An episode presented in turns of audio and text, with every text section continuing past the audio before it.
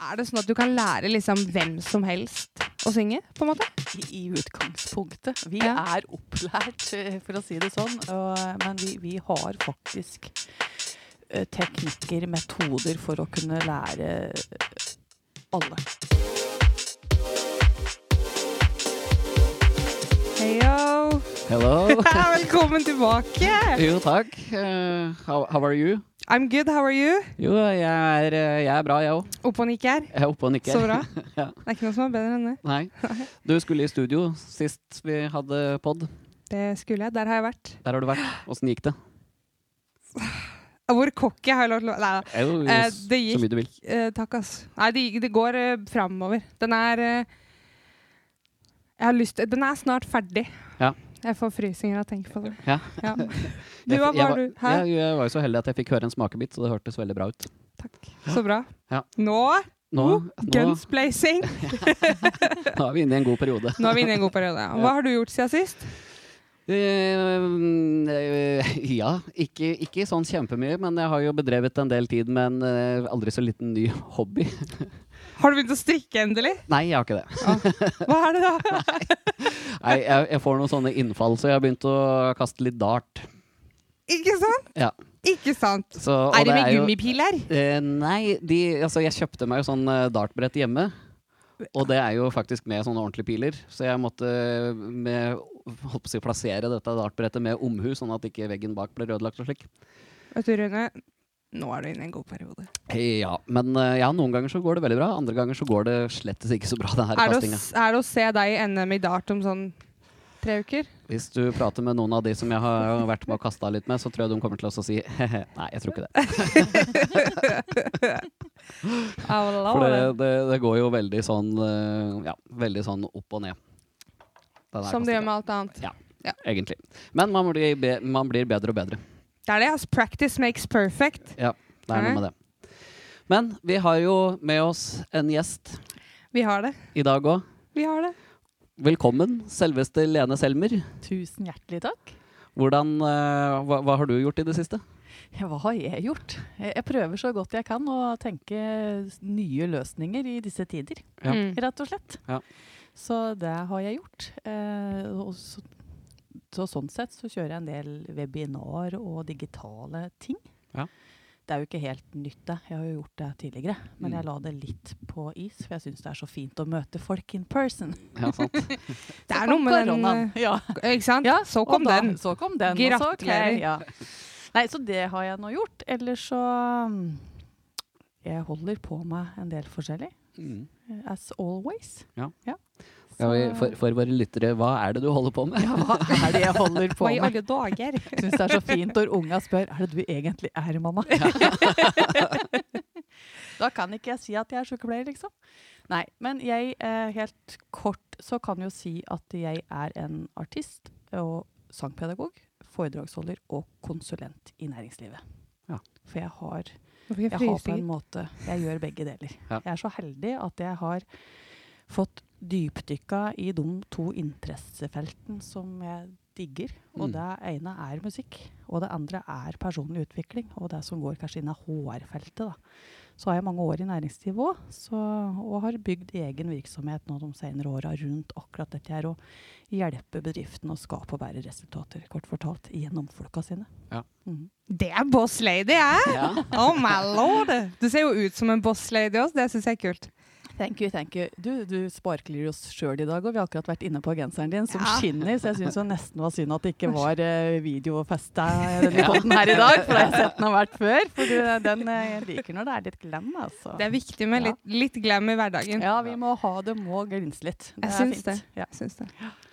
Ja, nei, så Lene og jeg, vi møttes jo på Raufoss. Vi møttes på Raufoss. Fordi du er jo sangpedagog. Mhm. Så der hadde hva, hvordan var det, Når var dette? Fant vi ut Jo, av det? det tror jeg vel fant ut måtte være i 2012. Da var jeg sånn på tampen av å bli ferdigutdannet sangutdanninga mi i København. Hva heter skolen? Hva heter skolen? Den heter Complete Vocal Institute. Altså komplett, uh, altså komplett sangteknikk, heter Ja. det jo på norsk, da. Så der var jeg i nesten fire år. Tatt både en ettårs utøvende og en treårig pedagogisk eh, utdanning, så jeg er autorisert, da. Så komplett vocal teknikk er jo da den verktøykassa vi bruker når Mm. vi eh, underviser. Mm. Men det går jo veldig mye på å kunne skape den soundet og lå, ja, låte sånn artisten ønsker å låte. da. Mm. Sant? Så min oppgave er å hjelpe enhver sanger som kommer til meg, å få til det den vil få til. Ja. Så det var, det var veldig, veldig spennende. Og parallelt med det så måtte vi på en måte ha vår virksomhet. Altså det er en seminarbasert, et seminarbasert studie, så jeg pendla et fire år til København. Mm. Og måtte ha egen virksomhet her. Så da starta jeg jo da i 2009 Totentoner med svogeren min Øyvind Selmer Horsveen. Ja. Så fikk vi bygd opp det. Og så hadde jeg en del privatelever. Og så kjørte jeg i gang da workshop i complete vocal technique. Og jeg gikk ut i avisen og annonserte. Og der kom en Rune Bakklund. Ja, det var min, det, er, det, er, det er min mor som så dette. Rune, det er noe sånn sang, sangkurs. Ja, ja. Og det var kjempevellykket. Det var fulltegnet hver gang jeg kjørte det. Mm. Um, jeg hadde det noen helger. Og det var det jeg gjorde av annonsering av min pedagogiske virksomhet. Ever, faktisk. Ja. For at det, og da kan vi jo kjapt nevne her nå, da. For nå har du jo fast sangundervisning pluss Mm. altså det som kalles masterclass, hvor jeg Mm. sjøl er med. Ja, ja. Eh, hvor det er da sangundervisning i gruppe. Men så har Ja. du jo òg da andre elever, så vidt jeg har skjønt, som òg er innom. på Ja, veldig lite. Session. Litt sånn drop-in inniblant. Jeg prøver å Det er klart jeg drev mye som sangpedagog en periode, så tilbake til 2012-2013. For da var det musikk 150 Ja. Da jobber jeg mye pedagogisk. Uh, men så så jeg jo det at det var jo så mye andre ting jeg òg ville. Ja. Så allerede i 2013 starter jo da det første konsertforedraget, som nå etter hvert ble forestillingen og tenkørskap og det konseptuelle jeg jobber med. da. Ja. Men da, når jeg da drev bare med Eller da var det som sagt masse sangundervisning, men da, etter hvert så har jeg da tyna det inn på å gjøre kun uh, masterklassen, eller det vi kaller lokale artister skinner. Ja. Det er, eh, men masterclass er jo rett og slett sangundervisning, altså individuell sangundervisning i gruppeform. Mm. Så da har vi da bare x antall plasser, og så holder vi på da en kveld. Mm. Og da er hver enkelt sanger oppe og jobber med sine ting. Eh, og da har man jo da publikum på sangtimen sin. Men det er jo et publikum som er veldig fint, fint publikum i så måte, da, for det er jo likesinnede andre sangstudenter. Mm. Eh, men allikevel så er det veldig fint fordi vi får trigga nervene veldig. Vi får, vi får liksom gått over disse sceneskrekkbarrierene og, og jobba mye med akkurat de som sliter litt med det. Får jo virkelig jobba med det på masterklassen. Men det som er enda mer verdifullt med å jobbe på denne måten, det er rett og slett den verdien det er å sitte og observere andre sin sangtime. Mm. Fordi de har kanskje andre utfordringer, eller var det kanskje noe du ikke hadde tenkt på? Sånn, ah, ja, men det kan jo jeg ha brukt for, og det, er- ja, men det er fint. Det, Du lærer så mye av det. Mm.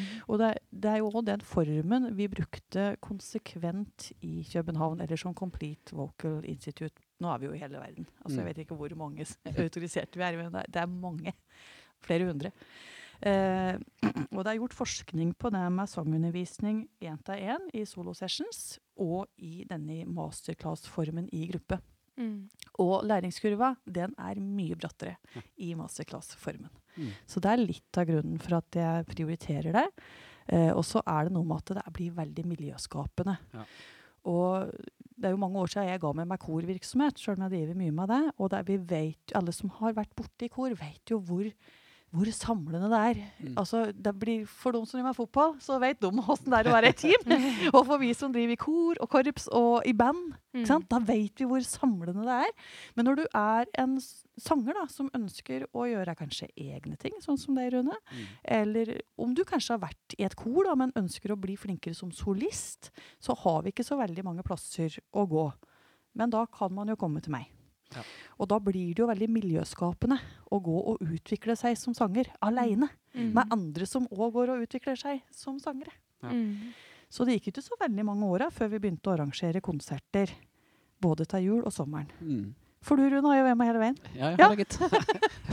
Så koselig. Ja, jeg klarte aldri å slutte. Ja. Men det er jo bra. Altså, Ja, det er jo ikke det. sant? Det er jo Holdt på å si vice versa. Det er jo, Ja. Du gjør da åpenbart noe riktig, og du ikke sant, lærer jo Mm. du, du har jo sagt det til meg òg, for det er enkelte ting som ikke sant? Jeg ser jo for meg at når det er høye toner og sånn, så er det sånn Nei, jeg klarer ikke, og så blir jeg feiga ut, og så går jeg for det som er safe. ikke sant? Selv om jeg vet jo at det er utafor komfortsona helt sjuke ting skjer, men så syns jeg det er skummelt. Mm. Og da sier hun 'bli med ut til Ja, men det er jo det du skal!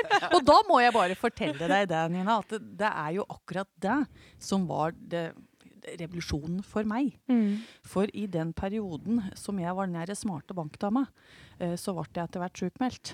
Eh, og det, hadde mye helseproblemer, rett og slett. Mm. Og jeg da som er full av liv og vil så fantastisk mye hele tida. Det er ingen som egentlig kanskje i dag kan se for seg det.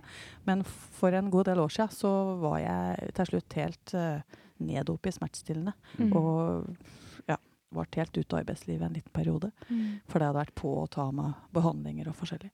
Lang historie kort, så var det all ære til faktisk en del lokale helter. Altså han Knut Anders han hadde dratt i gang et sangseminar her på Gjøvik. Som han hadde invitert Marie Pilstrøm opp. Mm. Og Marie er jo da sertifisert eh, nettopp eh, complete vocal technique. Og jeg hadde jo da vært i, i 14 år i næringslivet og drivet med management og sånn, så jeg var jo absolutt ikke helt på den bagen med men, men jeg hadde gjort noe musikk, men veldig lite disse åra. Eh, bare noe revy og litt kor, men det var helt sånn lagt is på. Og så er Ing Ingvild. Og jeg hadde ganske Ingvild Nagel, som kanskje mange også kjenner. Mm. Vi hadde regelmessig lunsjer den perioden som jeg da var som verst. Mm. Og så sier jeg Ingvild, dette var på tirsdager, husker jeg, for da sier jeg Ingvild Du, du, vi, vi skal ha seminar om tostand, vi. Hun Knut Anders han har dratt i gang, dette blir liksom så bra, og, og du må komme! Jeg må komme! altså, jeg og Ingvild hadde gjort mye sammen musikalsk way back. Mm. Men så, eh, i tidlig voksen alder, så fortsatte jo hun, ikke sant? Mens jeg hoppa av. Ja. Uh, flyttet til England og skulle bli noe smart. Og tok en bachelor i management, og var jo da noe smart i mange år. Mm, ja.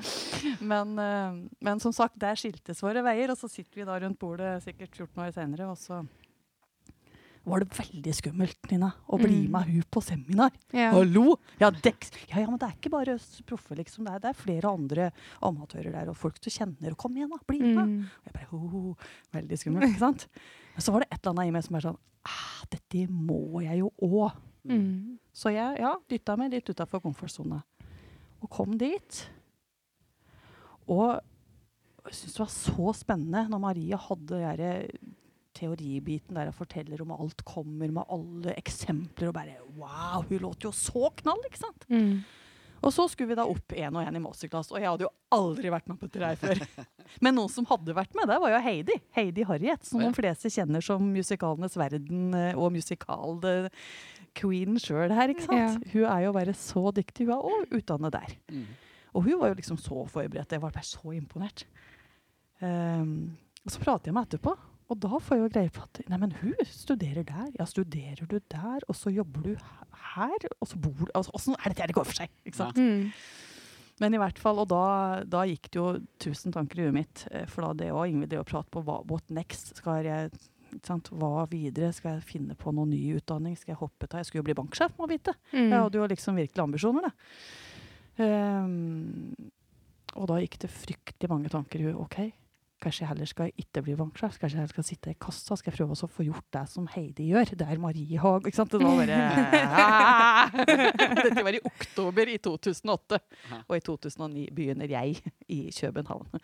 Men det som var så kult jeg, For jeg gikk òg utafor komfortsonen en tur til. En ting var at jeg hadde dratt dit, men så sier jeg du må ikke opp alene hvis du ikke tør, for at det var litt skummelt da. ikke sant? Mm. Men så var det sånn Filler'n, jeg, jeg prøver.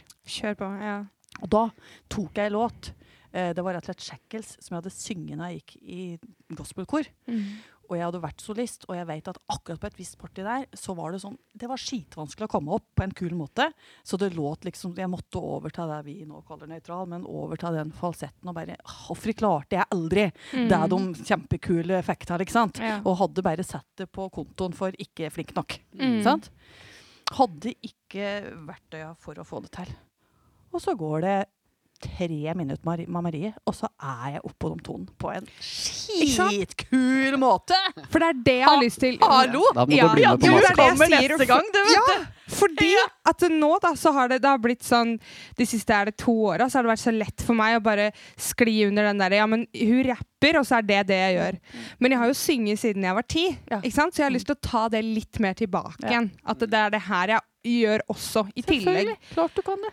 Men da har jeg jo lyst til å velge sånne låter hvor jeg føler at nå kan jeg bare klikke Men så trekker jeg meg, så blir jeg redd, og så bare Nei, men da rapper vi litt i stedet for, da. Jeg lover deg, i løpet av For det er det jeg kan.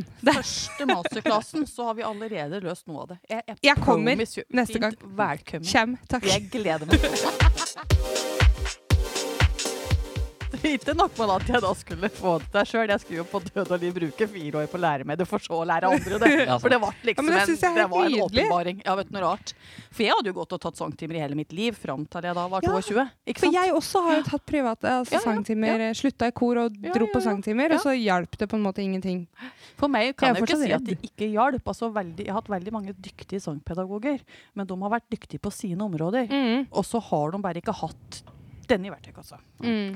Mm. Så øh, det har veldig utviklet meg musikalsk, men Mm. ikke ikke fått til disse tinga, da. Nei, Før. sant? Så øh, Men når vi er inne på dette temaet her, som uh, mye annet håper å si som du er, fordi du er en boss lady, så er du jo som nevnt sangpedagog. ja.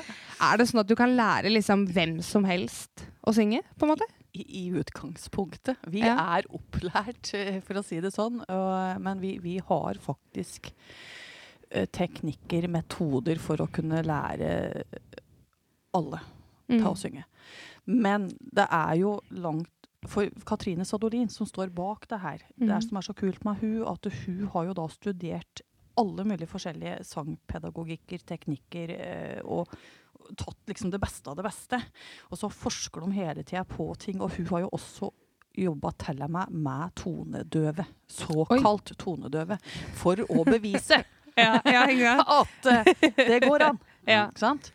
Så, så da har jeg liksom klart eh, å få noe som er helt fullstendig tonedøve, til etter hvert synge Du spiller f.eks. en A på piano, så klarer vedkommende etter hvert å gjøre det. Det er jo langt derifra at hun blir en profesjonell sanger, selvfølgelig. Mm. Ja. Ja. Så, men i utgangspunktet så er det talent i bånn er ikke det som er det viktigste. Mm. Eh, men det at du har musikalitet i deg, bare det at du har et ønske i deg og ville formidle noe musikk, Mm. er nok for meg å kunne jobbe med deg for at du kan bli en bra sanger. Og så Eller hvem som helst. Mm. Nå vet vi at du er en bra sanger. men, men, men hvem som helst, ikke sant? Og så Mm. kommer det jo litt an på eh, hvor mye innsats man legger i forhold til utgangspunkt, ikke sant? Ja. Mm.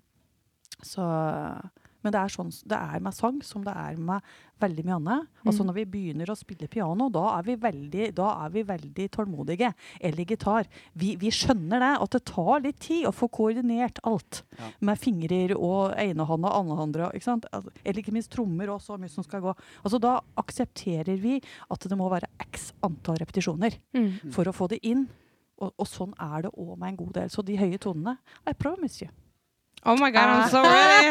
Det er nesten vet du, som vi skulle hatt, men vi skal, vi skal, ikke, vi skal, ja, vi skal, ikke, skal ikke gjøre det. Men det hadde jo vært artig med sånn live uh, coaching session her nå, men det, det blir litt vrient. Jeg har en idé. For hvis dere vil, så når hun kommer, så kan vi ta en liten snutt som de tar opp. Så kan Ja. de ta og følge det opp igjen. Og så her, folkens. Det her er gjør vi. Det hadde vært artig. Ja. Oh my god. Fordi det er ikke, altså, det er ikke sjans i havet Sånn i mitt hode sånn Nei. er nå, da, Nei, så er det trenger sånn ikke der, å være deg i ditt hode nå. Nei. Jeg skal ta med til det. Kjem jeg. Ja. Ja.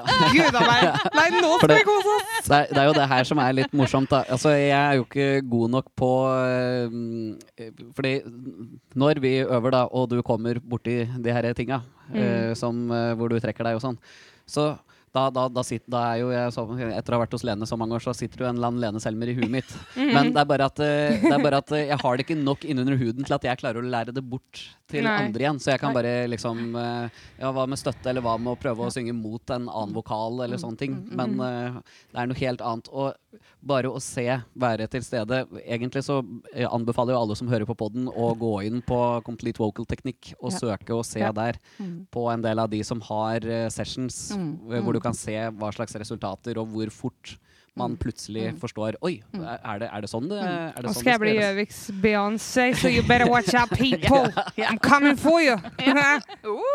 Pass deg. Sass it up! ja. Så bra. Yes. Veldig bra. Vi gleder oss. Du nevnte jo smått i stad at du skulle bli banksjef, du. Ja. ja. Hadde tenkt det. Eh, hvordan holdt på å si starta det? Hvordan gikk det fra å ville bli banksjef til å bare niks? Nå skal vi, Hvordan starta alt for deg, liksom? Ja, hvordan starta alt? Og da starta du ikke med banksjef, vet du. Da starta det egentlig med musikk. Ikke sant? Ja. Ok, så du, Ja. ok, ok. Så vi, vi kan jo prøve å gjøre en veldig lang historie kort. veldig kort. Ja. Jeg kan klippe etterpå, jeg. Det går bra, det. det er fint. Vi tar noen store linjene. Ja. Så eh, når jeg var fem år, så begynte jeg å spille piano. Da hadde jeg mast om det et helt år. Så da var det tydelig at det var noe i meg som bare sa at dette måtte jeg. For det var jo ingen, vi hadde et piano hjemme, men det var ingen som spilte på det. Mm. Så da fikk jeg lov til det. Og, så, og da fra den dagen, og faktisk helt fram til jeg var 1-22 år, så var hele mitt liv handla om musikk. Ja. Sant? Eh, og når jeg gikk på ungdomsskolen, da var målet å komme inn på musikklinja. Og da var det ikke opptaksprøver, så da var det om å gjøre å ha best mulig karakterer. For det var ganske vanskelig å komme inn da. Mm. Så hun her, her da meg satt jo med og måtte gjøre masse ekstra. Mange timer hver dag, for jeg skulle inn på musikklinja. og sånn gikk nå. Og, og videre, når jeg var ferdig der, så ville jeg inn på en høyskole eller et konservatorium. Så jeg begynte å søke veldig tidlig. Og som vikalister så er det jo ofte sånn at vi òg må modnes, og det er veldig sjelden sangere kommer rett inn. Mm. Noen instrumentalister gjør det, men vi sangere men vi må gjerne prøve både én og to og tre ganger. Uh, så jeg begynte uh, Jeg søkte både klassisk, og så begynte- switcha jeg over til jazz. For jeg sang klassisk i veldig mange år. Mm. Okay. Men så gikk jeg over til det mer rytmiske bildet, da. Uh, og kom gjerne gjennom første og andre For det var mange forskjellige runder, da. Og så teori og hørelære og alt dette der. Så jeg, jeg kom liksom støtt ganske helt til slutten, men jeg var aldri gjennom nåløyet. Jeg, aldri. Det vil si, jeg vet jo det, at hadde jeg ikke på en måte gitt opp. Mm. Så hadde jeg jo kommet inn til slutt. Mm. Uh, men jeg ble litt utålmodig, da. For hadde, da hadde det gått tre år fra videregående. Jeg og da fant jeg vel ut at ja, greit, da kan de ha det så godt, liksom. For da, jeg, skulle jo, jeg var så innmari ivrig på å ta en høyere utdanning òg. Ja. så da fant jeg ut at jeg skulle bli noe smart. Mm. Eh, eller det vil si, jeg fant først ut at det da måtte jeg tenke helt nytt. Så da flyttet jeg til Oslo og begynte på Bjørknes og tok opp fag for å Jeg hadde jo ikke strøket i noe, jeg ville bare sørge for at jeg fikk enda bedre karakterer. Ja. Og finne ut hva jeg skulle bli. Når jeg ble stor. Ettersom jeg, jeg hele livet hadde på en måte fått en helomvending. Så da fant jeg ut at jeg skulle utdanne meg innen management og med fordypning på hotell og turisme. For jeg var veldig glad i å reise og sånn. Så jeg flyttet til England. Ja. Og bodde i England i tre år og tok en bachelor i management, altså i ledelse. da. Og kom hjem igjen. Og var innom både på Toten hotell som markedssjef, og var på i Næringsrådet, jeg var på turistkontoret. Og så, men sant, når du første sa Du er utdannet i England.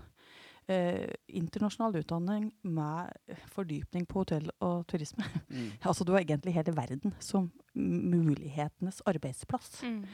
Og så flyttet du hjem igjen. Og Ja. det var jo egentlig veldig koselig, for at da, da får jeg en oppringning fra Judith på Sildungen og sier du, Lene, har vi opprettet ny stilling til deg. Kjem, kjem det meg til? Og ikke sant, noe så flatterende, noe så fint. Mm. Altså, ja, selvfølgelig gjorde jeg jo det.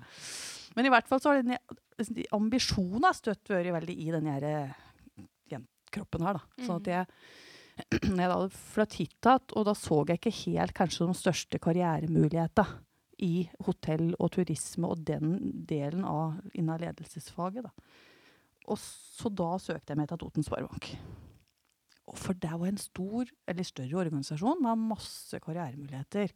Så jeg begynte jo på en måte, jeg begynte i kassa, og så ble jeg rådgiver, og så drev jeg fikk noen unger, og så begynte jeg på videreutdanning, og så begynte jeg å søke banksjefjobber. Og da når min yngste, Lea, da var, var vel litt år en gang da jeg begynte igjen, for jeg skulle jo skulle, men, men sånn er det jo gjerne. Jeg var ferdig, jeg skulle jobbe, jeg. Og Lars var jo hjemme da, for at jeg hadde jo tatt hele permisjonen min. så det var ikke noe med det. Men i hvert fall allerede da hadde jeg begynt å søke banksjefstillinger.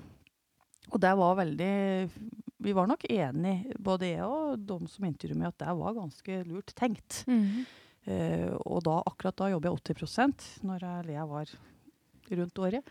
Så da når jeg var over i 100% så var banksjefjobba mye mer aktuelle, da. Ja. Så da startet jeg et videreutdanningsløp på BI.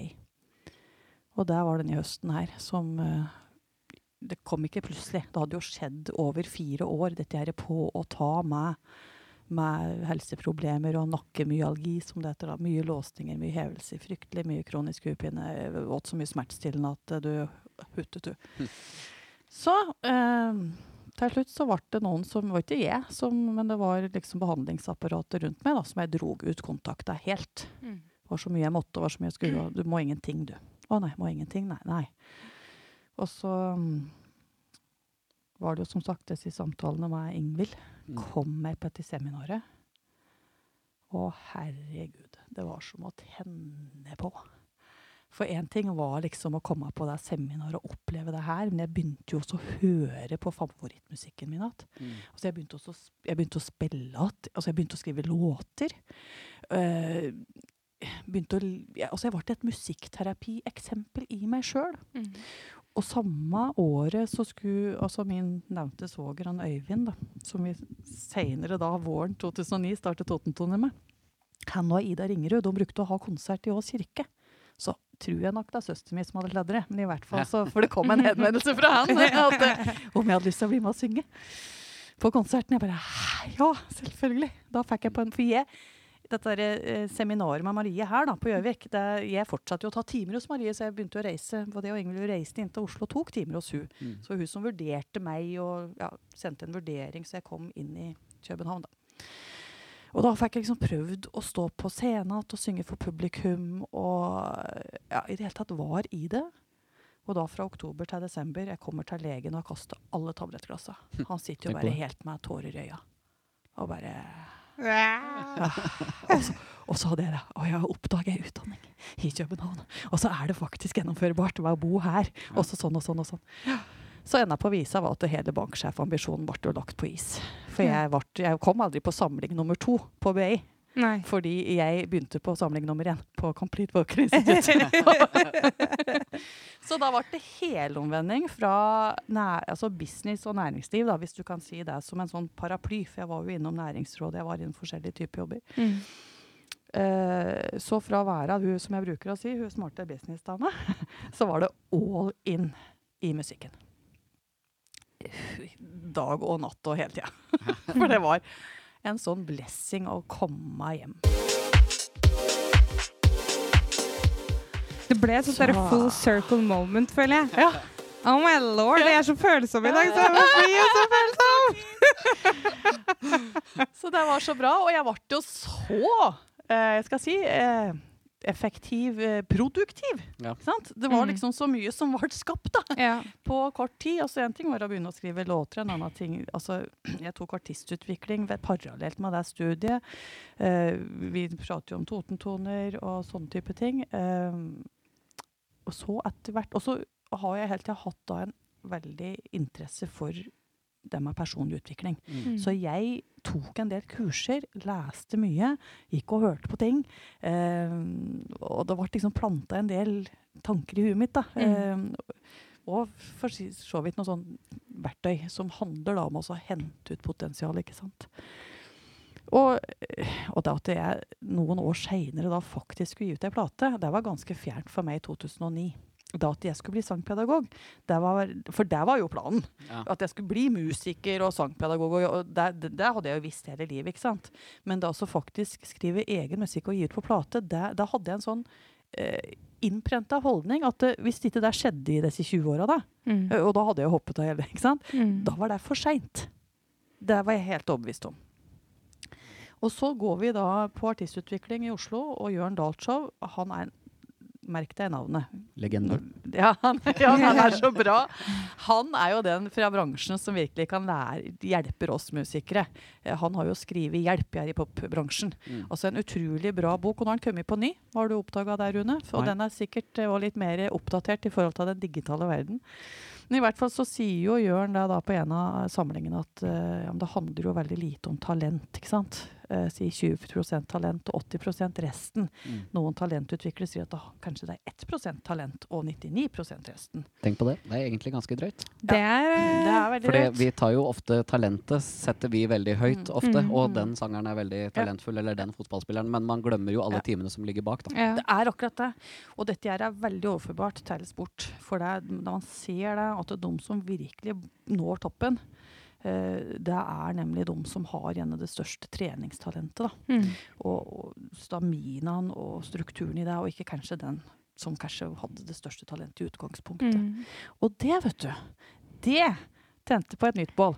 Fordi at jeg hadde jo for så vidt litt tro på eget talent, men ikke nok. Mm. Men jeg hadde fryktelig tro på, på eh, gjennomføringsevnen og alt dette andre. Ja, ja, sant? ikke sant? Alt dette andre! Det her visste jeg! Altså, der, der kunne jeg. Det hadde jeg. Og, da, og i tillegg så hadde jeg jo da begynt å skrive egen musikk, og så skulle vi ha en eh, jobb på jazzklubben. Liksom første livejobben med eget materiale. Og så s- tenkte jeg at da må jeg blande litt cover, da. Så jeg får Nei, nei, nei, sier Jørn. Ha-ha. Driver du med eget, så driver du med eget. Da rendyrker du det. OK, takk, da gjør vi det. Og så begynte vi å spille inn noen demoer og sånn, og på den ja, den veien der ble jo plutselig veldig fort til, da, idet jeg kommer på studio, studio på Nyhagen, og vi begynner å snakke om soundet og hvilke musikere, og smokk, smokk, smokk, så var vi Jeg spør, altså jeg vil gjerne spille inn en demo. Hadde vært hos en Trond, Eon Levi hadde jobba mono, og en Simen hadde jeg jobba litt med. Prøvde liksom å finne soundet mitt. da. Så møter jeg dem på en uh, musikkonferanse, og så spør jeg liksom, hva det dere Ja, hva tar dere for å lage en demo? Vi driver ikke med slik, vi. Vi lager album, vi. Kom en dag, da.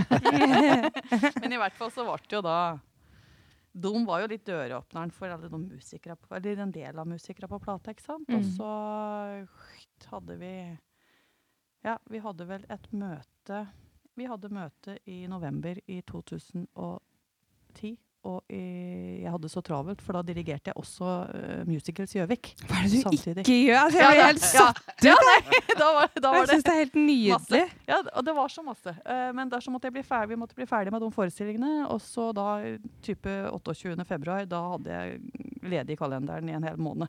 Eller i seks uker. Så da bare vi flyttet vi ut på studio. Og så spilte vi inn plata. Og så jobba vi sånn sted. For jeg bestemte meg også for at Og det er helt greit. For husk på, det har skjedd fryktelig mye de siste 8, 10 og 15 åra. Mm. Så det var fortsatt det å få et plateselskap som var litt greia. For å Mhm. få musikken ut. Mm. Eh, fortsatt så drev vi med det fysiske, eh, sjøl om det digitale hadde begynt å komme. Mm. Og så tenkte jeg ja, men jeg har jo så mye av dette andre som jeg har nødt til å ta 100 telefoner og møter og få 99 nei for å få ett ja for å få ut den i flata, så skal jeg jaggu gjøre det! tenkte jeg. Mm. Men det, jeg slapp det, da. For i, i denne prosessen så Han Rolf Graff, som dessverre er død nå, men han var, tok den ene telefonen vi trengte. Og så kom plata ut. Så det var en kjempe... Som heter Find Your Way. Den heter Find Your Den Way. er jo fortsatt Nå er den jo ute på både Spotify og overalt, er den Ja. ikke det? Og der kom den faktisk i Det står eh, dessverre 2008. Det er en skrivefeil fra den tida det ble lagt ut. Den kom i 2012. Mm. Så den eh, søker man selv med har sett, og Find Your Way, så finner du hele plata. Mm. Så det, vi ga det jo ut digitalt også, men det var veldig sånn nytt da. Så vi, den er jo i et fysisk format, som i dag er mer et samleobjekt. Mm ja, måte. Jeg har mange, mange venner jeg som uh, bare kjøper plater og ikke er på Spotify og slike Ja, jeg har faktisk det, jeg òg. Så det blir jo kanskje den nye Jeg vet ikke. Det, det blir som sagt et samleobjekt. Men i hvert fall så, som dere hører, da. Jeg var veldig energisk og produktiv og effektiv og det ene med det andre. Og så eh, brukte jeg jo disse verktøyene da, som jeg sjøl eh, leste og gjorde og studerte og ikke sant, brukte i eget liv. Eh, som var med og gjorde meg så effektiv og produktiv. Og da, da kom jo den tanken etter hvert at eh, offer har jeg ikke lært dette før. Mm. Mm. Hvorfor har ikke dette vært med i pensum? Ja. Eller på alle de andre kursene jeg hadde hatt. da. På noen forskjellige typer jobber. ikke sant? Så mye, og så mye bra kurs og oppdateringer og ja, utdanninger. Men akkurat dette fagfeltet her nesten ingenting. Gudskjelov så er det mye mer i dag enn det Mm. var da. da. Men i hvert fall så fant jeg nå ut at det er greit, det. Da kan jeg ta det tilbake til næringslivet. Og der starter jo da veien på det som er hele meg i dag. Mm. For jeg jobber jo veldig mye da med leder- og medarbeiderutvikling. Det kan jo høres litt sånn tungt ut, men, eller litt sånn langt ord. Men det er i bunn og grunn det jeg gjør, at jeg jobber med folka. I, Ja. Og de aller fleste har en jobb, så jeg gjør det gjerne i- i- gjennom jobben. Men jeg gjør det jo også Vi har jo et eksempel rundt bordet her som har gjort dette her i- for så vidt gjennom jobben av egen, i egen regi. Ja. Ja. Um, og det er veldig veldig spennende prosesser der jeg får jobbe med mennesker for å hente ut potensial i hver enkelt, og som team. og Veldig, veldig gøy. Mm. Og det er jo det som da nå blir kalt tenkjørskap. Ja, det har blitt paraplyen.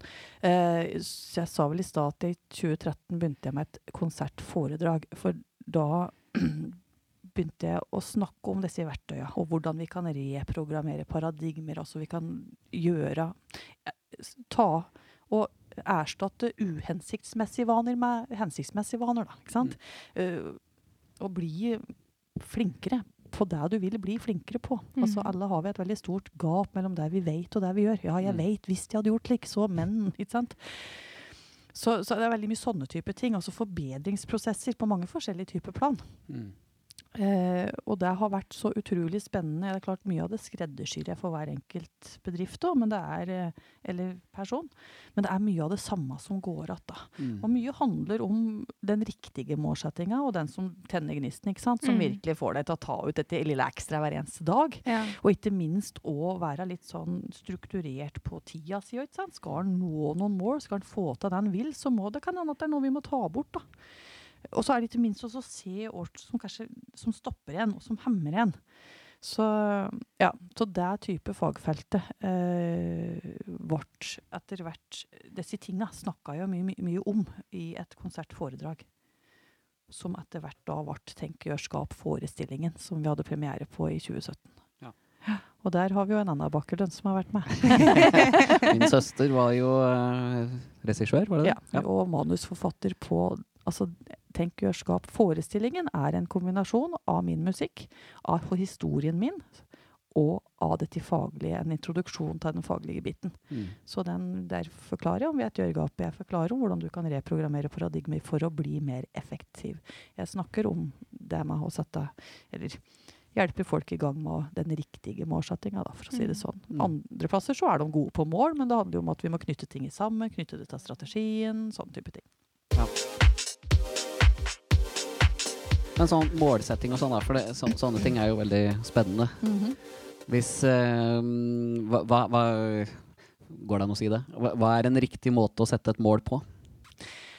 En riktig måte å sette en mål, mål på er jo å finne det målet som du virkelig kjenner resonnerer i deg. Ja. Sant? Som du kjenner at uh, For når vi skal nå måla og satt litt hår, hårete mål, så handler det om at vi skal ta det samme valget igjen og igjen og igjen. og igjen. Ikke bare dag to og tre og 21, men om to år kanskje også. ikke sant? Ja. Det spørs litt hva det er, da. Så, så det er fryktelig viktig at det er et mål som du er følelsesmessig involvert i. Ja. At du ikke setter et mål fordi at det er sikkert lurt, og, det er, og kanskje du gjør det for å imponere noen, eller Nei, nei, nei. Ikke, hva, og, og spesielt når vi da jobber i bedriftssammenheng, så er det jo veldig viktig at disse målene er i tråd med det som bedriften ønsker å oppnå. Da, ikke Ja. Og at vi òg har Ofte så er det, jo, er det større bedrifter, så har man jo ofte en overordnet visjon Mm. og har kanskje fått tildelt en del målsetninger. Og da er det veldig viktig at man sier OK, dette er kult, dette vil jeg være en del av. Mm. Og åssen kan jeg bidra på best mulig måte? Jo, jeg vil bli god på dette, og dette er noe som jeg vil ja, ikke sant? Vi må tørre å gå på individplan. For det er jo der jeg ofte opplever at det skort, skort, skorter litt, rett og slett. Så mm, At, eh, altså at det blir et gap mellom viljen, eller Mm. Altså man, har, man kan ha store mål, men det er kanskje ikke viljen til å komme til målet. igjen, og ref til de store utøvere vi snakka om i stad, så er det jo her nøkkelen ligger, at du må ville det nok. ikke sant? Ja. Og vil du det ikke nok, så blir det fort at det, det går bra en stund, og så kommer vi ikke helt dit vi skal. Men det kan òg være helt sånn enkle ting som nyttårsforsetter. Ikke Mm. Jeg fortsetter bare som før, jeg. Ja. Nyttår, nye muligheter. Vi er supermotivert, og vi går i gang. ikke sant? Mm. Og det går fint ei uke, det går fint to, og så begynner vi etter hvert å bli litt mer umotivert. Ikke sant? Ja. Og, og det er Enten det er deg eller folk har vært da, på et eh, kurs eller seminar eller hatt en veldig innspillende samtale og tenkt at yes, nå har jeg skjønt det, og vi er supermotiverte, og så får vi den her dalende kurven allikevel. Og det er, nett, det, er kanskje, det er kanskje hovedessensen i det jeg snakker om og hjelper folk med. Det er å finne løsningen på at det er ikke noe som skal bli dalende, men det skal bli den nye automatikken. Bare tenk på alt vi gjør på daglig basis som går på automatikk, som er vaner som ligger automatisk i oss. Mm. Og det er jo så fint at vi har veldig mye som bare går på automatikk. Og det som er enda finere med det, at da kan vi studere det litt nøyere og tenke OK, dette er hensiktsmessig, dette er bra, dette her er skikkelig dårlig vanlig, som bare tar meg i stikk motsatt retning til det som er bra for meg. Og i stedet for at vi får et, gjør noe med det en liten stund, eh, og så får vi en sånn for, resultatforbedring som bare varer et kvarter, Mm. så må vi liksom ha den metoden, lære den, ha den forståelsen og den metoden som hjelper deg til at dette blir den nye vanen. Mm. For da er det jo det som går av seg sjøl. Mm. Og da blir det den nye automatikken, og så tar du neste. Og det er jo på denne måten her vi får realisert så, For det er jo veldig stor forskjell dette her med mål. Noen jobb, er gode til å jobbe med det, mens andre gjør det jo ikke i det hele tatt. Ikke sant? Så det er veldig stor. Men det er akkurat det som ofte skiller de som eh, er de effektive og produktive individene òg, da. De Mm. vet og de skal, og de er veldig fokusert på det. Mens andre sånn, vi går litt hit og vi går litt dit, og så sånn går det noen dagene, og så har vi det noe fint, og så er det noe greit. Og så, ja. så er det kanskje noe mer vi vil, da. Sant? Jeg kjenner jeg litt sånn behov for å gå over måla mine igjen. Jeg har ikke noe mål, jeg. Har du ikke mål? Men Nei. jeg, jeg vet at du har mål. Det er bare at du har ikke Et, et delmål nå er jo å få gitt ut EP-en, f.eks. Det, ja, det, ja, ja, ok, sånn mål, ja. ja, Mm, ja. mm. Men uh, Den kommer. Den, kommer. kommer. Og, og, og andre ting òg, sånn Ja. som uh, ut og spille og hele pakka. Ja. Ut og spille, lære meg å komme høyt opp i registeret. Det skal Ja, du hjelpe det- meg med. ja. Til Lene. Men der er jo du også et veldig godt eksempel, da, Rune, i forhold til altså, å jobbe veldig strukturert og fokusert og konkret på mål i forhold til For jeg vet ikke hvor mye du har fortalt i poden her ja, om din reise. Eh, ja, nei, det er jo eh, ikke alt. Men uh, kort fortalt så hadde jeg jo 100% jobb pluss en bijobb, Mm. og tok lydkurs. Altså kurs i lydteknikk. Mm. Og så, som om ikke det var nok, så oppsøkte jeg Å Lene. For jeg, jeg har jo hele veien Jeg har vel sagt det dels før, men jeg har skrevet vanvittig mye låter opp Mm. igjennom. Mm. Og hadde liksom et mål om å få gitt ut noen låter. Mm. Og sånn, og da, siden jeg allerede jobba med Eller siden Lene allerede var sangpedagogen min, Mm. Mm. og jeg visste at hun drev med coaching og sånn, så oppsøkte jeg hun opp igjen på alt det her. Og så gikk vi jo da over hva som var mine mål og sånn, og det var jo ut og spille. Eh, og skrive musikk. Mm. Og hva gjør du i dag, bare så det er nevnt? Ja, nei, det er jo det jeg driver med, da. Ja. og det er jo litt morsomt å høre, fordi apropos det her og ja, OK, hva er konstruktivt, hva er ikke konstruktivt? Men Mm. det er jo liksom det, det må, Altså, én ting er å se ha målet foran seg og det du vil, men det er jo liksom veien dit, da, alle Mm, de her mm, mm. trappene. Ja. Og noe av det som måtte til da, var jo en timeplan, som jeg Ja. fortsatt har oppe på et skap. Smart. Ja, fordi den timeplanen sa at der, dette kjenner jo du til fra skriveprosesser og sånn, deadline på Mm. Mm. Men her så gikk det fra uke til uke, så var det liksom OK, den uka, der, er der er jeg på jobb til da. Mm. Eh, der skal jeg drive med låtskriving. Ja, ikke sant? Og, ikke sant? Ja. og selv om kanskje ikke de helt store låtideene dukka opp akkurat i de tidsromma, så var det noe med at du måtte tenke på det, og du hadde satt av tid Mm. til å drive med det. Mm. Ja. Og da er du på en måte satt i gir. Jeg elsker sånne deadlines. Jeg er en sucker. Sånn som eh, deadlines og almanakker, det er jeg en sucker for. Så det er liksom sånn nerdete greie som jeg har, som jeg syns er helt nydelig. Og det var sånn underveis i den skriveprosessen til EP-en. Hata de deadlinesa. Ja, Hata det, hata det, hata det. Og så nå så bare Ja, det hjalp. det hjalp. Det, Det hjalp. Altså, jeg sleit jo jeg, fra, fra starten av. Så var jeg sånn Nei, jeg skal ha disse låtene, disse låtene. Mm. Sa det til Rune og bare Jeg skal ha de fire her. Mm. Så kom det til at jeg måtte velge mellom de åtte. Da, så var det Ja. sånn Nei, jeg veit ikke helt hva jeg vil ha, jeg. Fordi at uh, disse Ja. Det ble vanskelig, da. Fordi deadlines har hjulpet meg jo med å måtte Ja, ikke ja, sant? ja. gønne på. Ja. Mm. Og det er så nydelig! Vi elsker å gønne på! Ja. det er så bra. Og så har jeg, nå er jeg usikker på om jeg har hørt det av deg. If you can dream it, you can do it. Er det Walt Disney? Du har nok lest det på veggen hos meg. Det kan godt hende. Det er Walt Disney. Du Ja. har hørt av meg. Ja. Mm. Men fordi at her kommer det jo da en, eh, en sånn um, For det, en del sånne teorier blir jo litt sånn uh, If you can think it, you can do it. Mm, men, mm, men, mm. og noen sånne uh, Hva heter det for noe? Self-help. Mm. Sånne hjelp Ja. til selvhjelp-bøker. Mm. En del syns jo det blir litt voldsomt. da Altså Hvis Mm. jeg vil bli president i USA, så er det på en måte et, eh, et stort hopp. Er det, er det If you can dream it, altså er det noen grenser, hvis du skjønner tanken? I, te, I teorien ikke. Men vi har etter hvert etter hvert som vi lever og opplever ting, så blir vi jo mye mer begrenset i tankesettet vårt. Ja. Og når vi da er begrenset, så blir vi vår egen begrensning. Så, så mye handler òg ofte om å kunne åpne opp og rett og slett lage nye tankemønstre. da. Sant? Mm. Nye tankemønstre om oss sjøl. Og, og det er jo òg en form for en reprogrammering. Vi snakka om vaner her i stad, men en like stor og viktig reprogrammering vi ofte må jobbe med, og som er en del av prosessene som jeg veldig ofte har med i hele, hele den utviklingsprosessen, da, det er nettopp det med sjølbildet vårt. Og det, hva, hvordan vi, hva vi ikke minst føler om oss sjøl. Mm. For det er støtt, altså det som er på innsida, er det støtt det som du vil se reflektert rundt deg. Mm. Og da er det ofte dit vi òg må gå. Og der vet jeg at no, noe av den, den sjølbildereprogrammeringa jeg har gjort, er jo vært med også virkelig gjort helomvendinger. Mm. Ikke sant?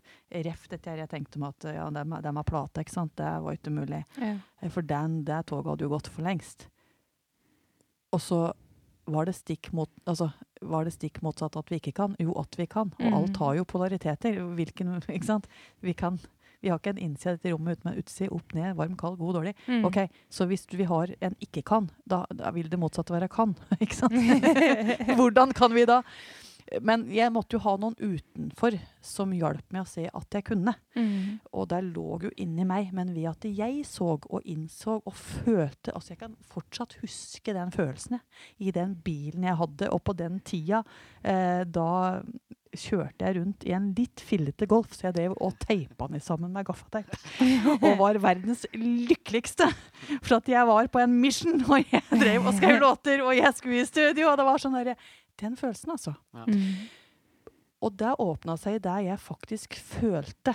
Ikke sant? Så hvis jeg faktisk kunne drømme det, så Mm. kunne jeg gjøre det. Mm. Men før jeg faktisk kunne drømme det, så kunne jeg ikke gjøre det. Mm. Så det var, det var ingen andre i hele denne verden som hadde satt den begrensningen på meg, Mm. enn meg sjøl. Det er ingen som har sagt at «Øh, Kan ikke du gjøre? Eh, nei. Er, og, og sånn så er vi. Vi er i veldig stor grad, i mange tilfeller, selvsabotører. Mm. Og idet vi får tak i det, og det ligger ofte djupt i oss, vi er ikke helt klar over det, Mm. men idet vi får tak i det, så blir det en stor åpenbaring. For da er det det vi kan jobbe med. Mm. Og i det du Og det er ikke sikkert du tror det med en gang jeg sier det til deg, men hvis vi får jobbe lenge nok med det, og du ser at det kan ta form, så mm. Mm. Så eh, svaret er vel egentlig ja. ja.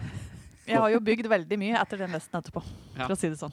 Mm. Og hvis man leser litt inne på um, Hvis man går inn på Tenk jord, åssen er det det skrives? Tenkjordskap.no. Ja. Der er det jo jordskap. Mm. masse Hva heter det for noe?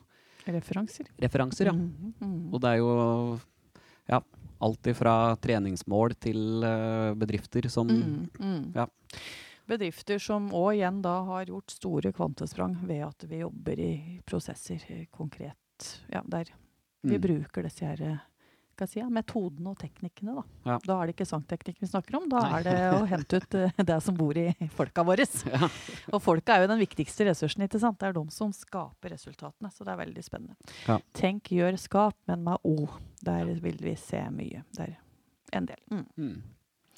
Så, men, og det er jo kanskje da viktig å få fram at det tenk, gjør, skap er jo nå etter hvert blitt et konsept eh, som handler om veldig mye utviklingsprosesser, da, enten det er på ledernivå eller alle ansatte, eller individer. Altså, det sier folka i bedriften er jo folk. Altså, Mm. Så jeg tar jo på meg eh, Og jeg jobber jo med privatpersoner også. Ja. Men det er jo denne forestillingen også, som kanskje gjør meg Eller som blir mitt varemerke. For når du er på en måte Du er konsulenten på den ene sida og jobber med næringslivet. Og så er du artisten og utøveren på den andre sida. Og så blir det da det jeg kaller edutainer. Ja. En som kombinerer education og entertainment. Ja. Ja. Den er fin! Den er fin. Den er ikke dum! Så tenkerskap er jo edutainment. Og der kommer den forestillingen inn. Den, kan brukes, den bruker vi ofte som en enkeltstående happening, eh, men òg veldig vellykket når det er starten på en prosess, som en kickoff. Ja. Så Det, det, må vi dra neste gang. Det var jo egentlig meninga at det skulle være nå i januar. Mm. ja. Og så ble Jeg blir med. Du blir med. Ja, med. Ja. Vi kommer eh, vi, Ja.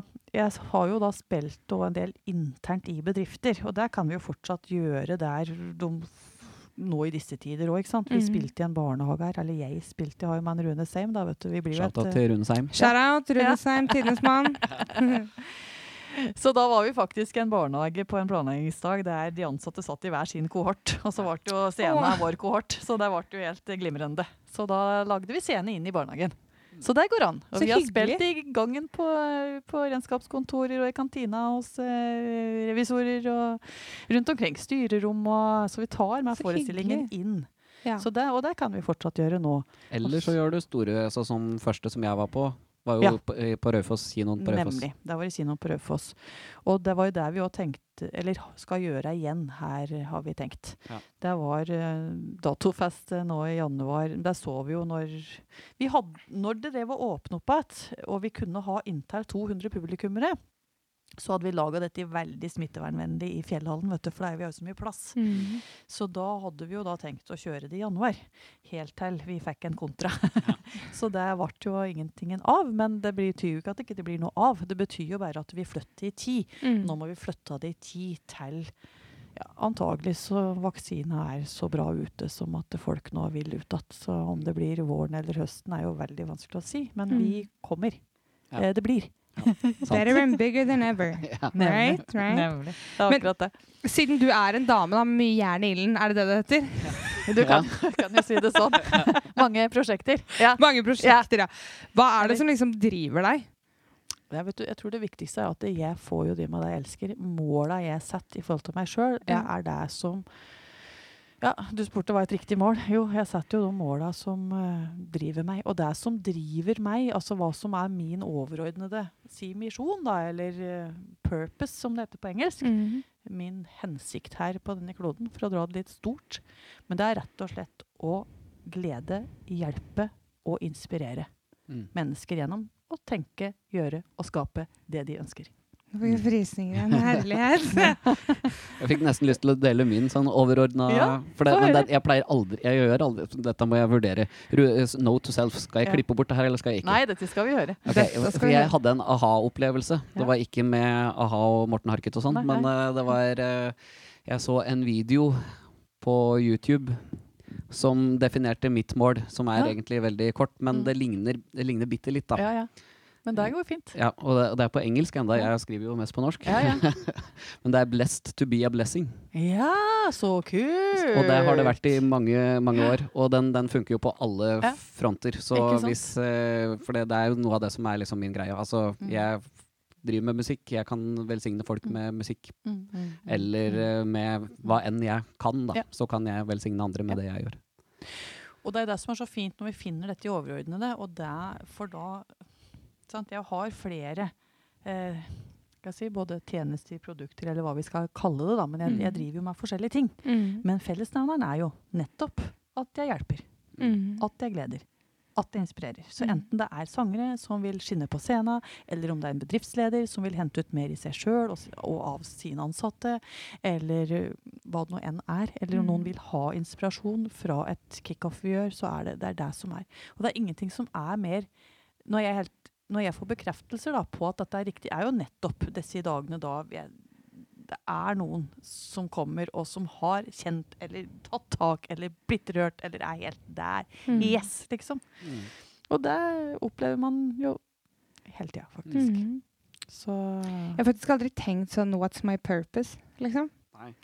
Det er jo ikke sånn Men det er sikkert sånn som bare kommer til deg, tenker jeg. Det er liksom ikke noe man sikkert uh, Hvis du starter den prosessen, så Ish. tror jeg det kan komme til deg, kanskje. Mm. Men, Kanskje? eh, men Mm. saken er jo For dette var, nevnte du litt sånn kjapt i stad, Mm. men det er jo litt rart at dette blir prata litt lite på i utdanning og skolesammenheng. mm, mm. om å sette seg mål osv. Og, så videre. Mm. og så er det jo gjort forskning. Nå må du arrestere meg, for dette kjenner du sikkert mm, ut og inn med bedre enn jeg gjør. Men det er jo gjort forskning på at folk som hadde tydelige mål når de gikk på videregående, det Mm. og det skal jeg, Mm. de kommer gjerne dit. Ja. Mot for de som ikke satte seg noen mål når Mm. de gikk på skole. Altså, Ja. ja. Da blir Ja. Mm. Men yo, det, yo faktisk. Nå ble jeg veldig street. Nå ble jeg veldig getto. Ja. Fordi mitt mål altså ikke sant, På videregående så var jeg sånn ja ja, whatever. Jeg er her for å være sosial, liksom. Ja, ja. Men uh, vi trenger det òg, skjønner du. Det er noe med det. Men da var jeg sånn der, ja, men jeg skal bare vente til jeg er gammel nok til å sø søke meg jobb i Starttur, fordi at jeg skal jobbe som entertainer i Starttur. Hva gjorde jeg når jeg ble gammel nok? Du det. Jeg fikk meg jobb i Starttur. Som entertainer. Ja, nemlig. Det var mitt mål på videregående, da. Ja, ja. Det er godt, Men du vet du, det er faktisk ja det er et veldig godt eksempel. støtter meg bak den statistikken der, for å si det sånn. Mm. Så det er, jo, det er jo et hav av ting her som er veldig interessant, Ja. synes jeg. da. Mm. Altså, jeg blir veldig gira av å tenke sånn, og så tar jeg meg sjøl i at uh, Oi sann, det, det er òg litt fort gjort hva, hva tenker du om det? Det er jo litt fort gjort å glemme målet, eller sikte seg inn. Det er akkurat som man havner litt på default eller uh, fault. Nei, jeg mener ja. Og det er, jo, det er jo det som Altså, hva definerer suksess og lykkes og Altså, hva betyr det å ha et godt liv, da? Ikke sant? Mm. Og det, det er noe som ligger i oss. Altså, vi er altså, En som heter eh, Maxwell Maltz, han skrev en bok som heter 'Psycho Cybernetics'. En av de største psykologiske oppdagelsene allerede på tidlig 60-tall. Og han skriver jo nettopp da at vi er goal-seeking organisms. Altså vi er målsøkende organismer. Mm. Og Earl Nightingale, som er kanskje han som starta hele selvutviklingsindustrien Hans definisjon på suksess Han sier da at suksess er den progressive realiseringen av et verdig mål. Mm. Altså den personen som jobber mot et predefinert mål. Den som sier at 'jeg vil bli dette', mm. eller 'jeg vil jobbe med dette', Mm. den er per definisjon en suksess. Mm. Sant? Da jobber du med det som, som du søker, ikke sant? Mm. Så, og, og kan dere kjenne at når, de, ja, når du ble da, entertainer i Starter, mm. sant? da hadde du nådd det målet. Ja. Ja, da var du liksom litt framme. Ja, what next? Ja. Da er det noen, da kom, dukker det opp noe nytt. Og det var derfor jeg sa opp for å komme hjem for å satse på min egen musikk. ikke sant? Ikke sant? Og nå skal jeg gi ut EP. Jeg har fått meg platekontrakt. Ja? Det er Det er liksom så bra! Ikke sant? Så der ser du Hva det er neste?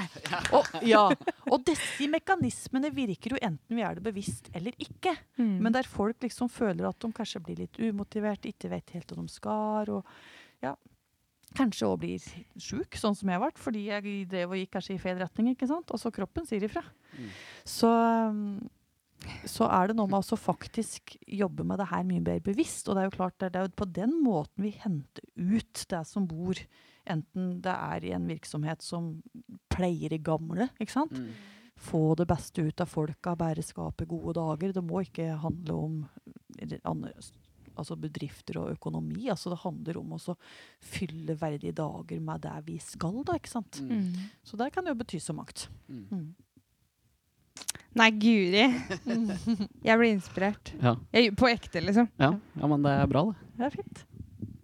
Vi har jo noen sånne faste spalter, eller eh, noen faste Ja, to faste spalter. Yes. Det er klart for flaue historier. Ja, eh, har du opplevd noe flaut siden sist, Nina? Siden sist? Siden sist? Vi, vi kom jo virkelig på en vi, vi, Da blei jo dukka opp masse sist. Det ble egentlig. flaut sist, Det altså. ble flaut sist. Eh, nei, du vet du, jeg har vært ganske skjerpa. Ja. Nei, Sannheten er jo at jeg har bare vært på jobb og hjemme. Jo, vet du, jeg kom på en ting! Akkurat når jeg nevnte jobb. Men jeg husker ikke om jeg sa det sist eller ikke, så hvis jeg gjorde det, så bare kutte meg, da. Men ok, ikke sant. Jeg står på jobb, og så er jeg veldig avhengig av leppepomade. Mm. Så på disken på jobb da, så har jeg jo en Carmex liggende. Mm. Så hadde jeg beepet inn masse varer. Ser jeg hun dama i nøya, så sier jeg 'leppepomade'. Fordi da hadde jeg akkurat sett på den Carmex. eh, og så ser hun på meg, så sier hun eh, 'hæ?' Spise her eller ta med, sa du da Ja. etterpå? Nei da. Så jeg bare ehm, Vil du ha pose? og hun bare eh, Ja, det vil jeg ha. Og så kjente jeg at jeg ble sånn kjemperød i trynet, og så begynte hun å le. Så begynte jeg å le, og så sa jeg ja ja, det er snart uh, helg, og så var det hva da, tirsdag eller noe. Så det er jo liksom kjempeteit. Nå kom jeg på, jeg kom på en lignende greie. Det har skjedd meg to ganger, men jeg, jeg husker ikke helt hva det var. Jeg satt og leste et eller annet om sagbruk når jeg satt på jobb på Telenor eller på Eika. Jeg husker ikke helt hvem av dem. Og så ringte jo telefonen, og da var det jo liksom eh, Eika kundesenter eller Telenor, du snakker med Rune. Men jeg svarte jo ikke det. Jeg svarte Sagbruket, du snakker med Rune. eller et, eller annet sånt. Jeg liksom leste det jeg, Eller jeg sa det jeg hadde lest. Lest, ja. Og en annen annen gang, så Det veit jeg var på Telenor, men da hadde jeg sittet inne på online.no, en sånn side som Telenor har. Mm. Så det er online, du snakker med Rune. ja, nei, så ja. Men eh, ja, der Alene, har du noe Ja, vi kan jo by deg på. Yes. Jeg, jeg hadde for ikke så lenge siden en litt sånn digital flause, følte jeg. Jeg er litt sånn opptatt av å gjøre ting veldig riktig, så det ble litt ekstra flaut for meg. Jeg, jeg, jeg har ikke pratet med dem på den andre sida etterpå, så jeg vet ikke hvor fælt det var, men det føltes veldig fælt. For i disse digitale tider så skjer jo veldig mye da online og på Teams og sånne type eh, plattformer. Dette er jo en annen type plattform, men samme. Samme typen. Eh, så, så er det et, uh, i forbindelse med et uh, styreverv vi har, så skulle jeg da være bisitta på et utvalgsmøte i Gjøvik kommune. Så jeg bare går inn i møtet sånn cirka når dette skal skje, og så for å sitte og lytte og eventuelt komme med noe innspill. Men vi skulle egentlig bare høre. Og, det og jeg ser jo at den er muta. Alt Mm. på stell er muta. og så ringer telefonen min. Jeg har jo skrudd av lyden, men så lenge jeg er muta, så velger jeg å ta den, da. Jeg går ut av kontoret, men fortsatt så Og så hører jeg etter hvert at det, det sies noe. 'Lene, kan du mute?' Og da hadde jo jeg sånn et minutt ute i samtalen. Jeg bare ja, men du, jeg, jeg er jo muta, se. Jeg, jeg, det står jo mute her. Ja, nei, hører dere meg? Ja, ja, ja, vi hører deg klart og tydelig. Å, så flaut. Og midt i der noen legger fram et innlegg og presentasjon og så ordentlig. Og jeg liker å være så ordentlig. Og det verste Men det står mute her. Unnskyld, unnskyld, unnskyld. Ja, men gå ut og inn igjen. Ja ja, sier jeg, men jeg har jo gjort det, jeg gjør det igjen. Og hvis, hvis da skal jeg love å være musestille, sier jeg bare. og det, det var jeg. Jeg vet aldri om det funka skikkelig. Men jeg, jeg laga ikke en lyd resten av møtet, for å si det sånn. Men så flaut. Å, jeg fikk så vondt inni meg. Jeg, åh. Så unnskyld, folkens.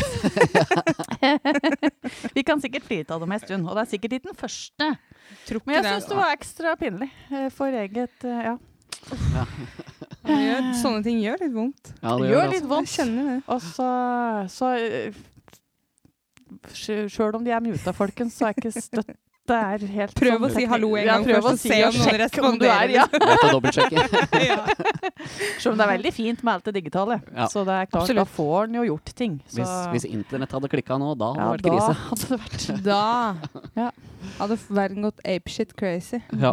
Vi har jo som nevnt eh, to spalter Ja. eh, faste.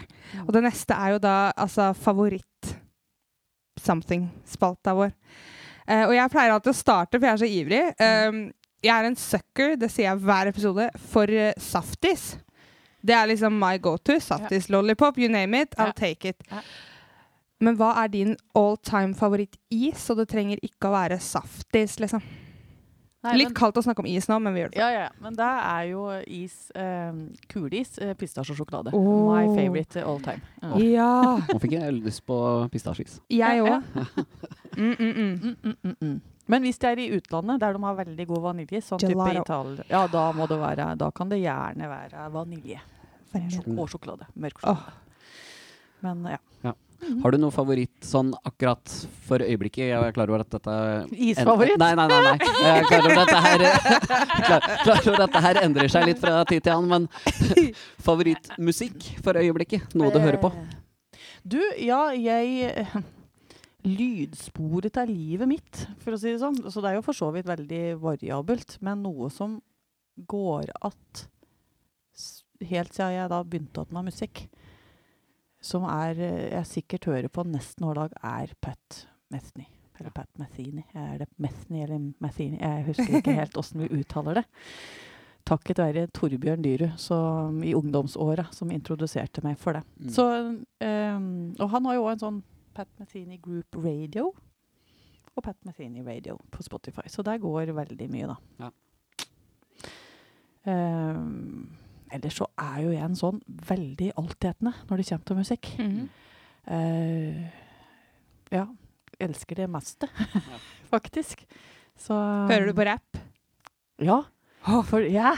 Ding, ding. Jeg er så heldig, vet du, at eh, for det første så er det når jeg jobber da med forskjellige sangelever, eh, så får jeg jo da veldig mye musikk til meg gjennom dem. Mm. Så må jeg må oppdatere meg litt. Um, så har jeg et par unger som er eh, han, både hiphop-dansere, og han sønnen er veldig Eller de er veldig på De liker jo veldig hiphop, begge to. Både Lea og Lukas. så da blir det mye rapp og hiphop og Det er kult. Ja. Og det er jo så kult, fordi at da når, i hjemmet da, så er det jo noe med at de er òg med og fyller hjemmet veldig mye med musikk. For at Mm. jeg går jo på mine lydspor, ikke sant? Mm. og så er det så når, når de er hjemme, så vi driver og kokkeserer og skal ha noe mat, så er det sånn Ja, men sett på noe musikk, de! For da får jeg liksom hele tida noe nytt. Og, Ja. Men det som er så kult, at etter hvert nå, da Så de er jo veldig på populærmusikk eller hiphop eller sånn Mm. mer inn i tida. Men så oppdager de stadig vekk det som er type gammel musikk, men mm. rett som jeg vokste opp med, eller som Mm. er klassiker, ikke sant? Enten det er rock, eller om det er pop, eller hva. Ja. Og det kommer stadig vekk nye. Å, men hører du på den? Men så kult! Den digger jeg òg! og så, så sa jeg til Lukas en dag vet du, Jeg kommer ikke helt på disse låtene når du ikke er her, så kan ikke du lage ei egen spilleliste for meg med disse her som du driver Ja. eh, driver og spiller når du er DJ hjemme, da. Mm. Jo, jo, så han lagde spilleliste til mammaen sin. Og den heter Old But Gold. Oh. Det har jeg en spilleliste som heter òg, faktisk. Har du det? Ja, ja, ja. Og det er kjempekult. Du er sikker på at det ikke er Lukas sin? Kanskje jeg bare har subba fått på den. Ja. Men jeg elsker uh, det meste. Uh, og jeg skar på Karpe-konsert sammen med ungene mine. Yay! Har du noe favoritt uh, altså film eller serie? Noe du liker å Har hatt tid til det, er jo spørsmålet, ja, egentlig. ja, ja, eh, jeg bruker det i perioder for å koble av huet. mm. Uh, ellers så er det veldig mange år jeg ikke så, verk, så noe på TV, fordi at jeg måtte fylle den Det var så mye jeg skulle ta igjen Mm, ja, å gjøre. Så, men helt nylig så den her A Place To Call Home. Oh. Oh, er det ikke den koselig? gikk helt i hjertet på meg, altså. Hva slags eh, serie er det, uten, Ja. uten å spoile for mye? Eh, Åssen Det skal jeg er, altså, altså, den er jo fra Australia på Ja. type På NRK, skjæra til NRK. Mm, mm. Og det var en litt sånn koron koronatiltak, dette her. Altså, så jeg og dattera mi har liksom så mye tid med den serien. Vært helt hekta. Ja. Rett og slett. Det er vel den, en av de bedre, Ja. det må jeg si. Absolutt. Ellers så er vi jo veldig sånn Elsker jo mus... Jeg utøver ikke så mye musikal sjøl, men jeg har veldig mye musikal i Altså Elsker å se musikaler. Mm. Så det er òg blitt en sånn greie. jeg Har du sett Hairspray? på. Nei, den har jeg ikke sett. Åh, den må jeg se. Ja. Den må du notere deg bak å gjøre. Den er så bra. Så bra. Yes. Ja. Mm. Tips fra meg. Mm. Så vi har liksom sånne familieturer på Folketeatret og ser det som går der, da. Så nå er det Ja. Mamma Mia neste. Ja. Oh, med, Men helt fra jeg var lita, så da var det Sound of Music er jo et lydspor. Jeg, jeg kan jo hele utenat, ikke sant. Mm. Så det var jo veldig stort å komme dit og ja. Er det ikke Ulrikke Falk som skal være i Mamma Mia nå? Yes. Det er Mm. kult. Mm. Det er kult. Mm. Det er kult. Yes. Men, Men, Hva er det siste Spalta? Spalta? Jeg lurer på det. Har du, noe, har du no, notert noe mer som du vil komme med noe rolig på, fra sida? Rolig. Eller når det gjelder, gjelder musikksmak, da, så er jeg jo en jazzens dame. Og Ja. jeg vil jo høre kanskje på den. Kan jeg stille deg et spørsmål? Ja. Liker du Amy Winehouse? Ja. Liker det mest. Det er favorittdama mi. Ja, så kult. Da skal vi jobbe litt med det, da, skjønner jeg. Eh, ja, det skal vi. Ja, nå ble jeg gira. Nå ble jeg gira. Nå òg. Nå òg. Yes. Nei, men da mm, Hva skjer? Er, skal jeg spørre om det? Hva, ja, Ja. Det, det, er jo, det blir på en måte siste. ja, hva skjer? Hva, hva skjer framover? Hva skjer fremover? Uh, jeg ehm, kjører jo antagelig i gang med litt nettkursproduksjon, hvis eh, verden fortsatt skal være som den er. Ja. Ellers så blir det tenkegjørskap eh, å komme på å se live for det åpne publikummet òg etter hvert. Vi setter datoen så fort vi har mulighet. Mm. Altså, da har vi da sikta inn på Fjellhaven på Gjøvik. Men den vil jo òg komme andre plasser i landet. Men da mer bedriftsbasert, da. Ja. Mm. Så samarbeider jeg med K2 Kompetanse, så vi driver litt rundt både i Oslo og Drammen. Og, ja, Mm. I det hele tatt. Så det skjer en del spennende ting framover. Så, men tusen takk, Lene, for eh, at du ville være med i poden vår. Tusen hjertelig takk. Tusen takk for at jeg fikk komme. Og så hva er, hva er det vi alltid avslutter med? Peace out. Vi ses om to uker. Hørs, heter det. Vi. Hørs. Peace out. Peace out.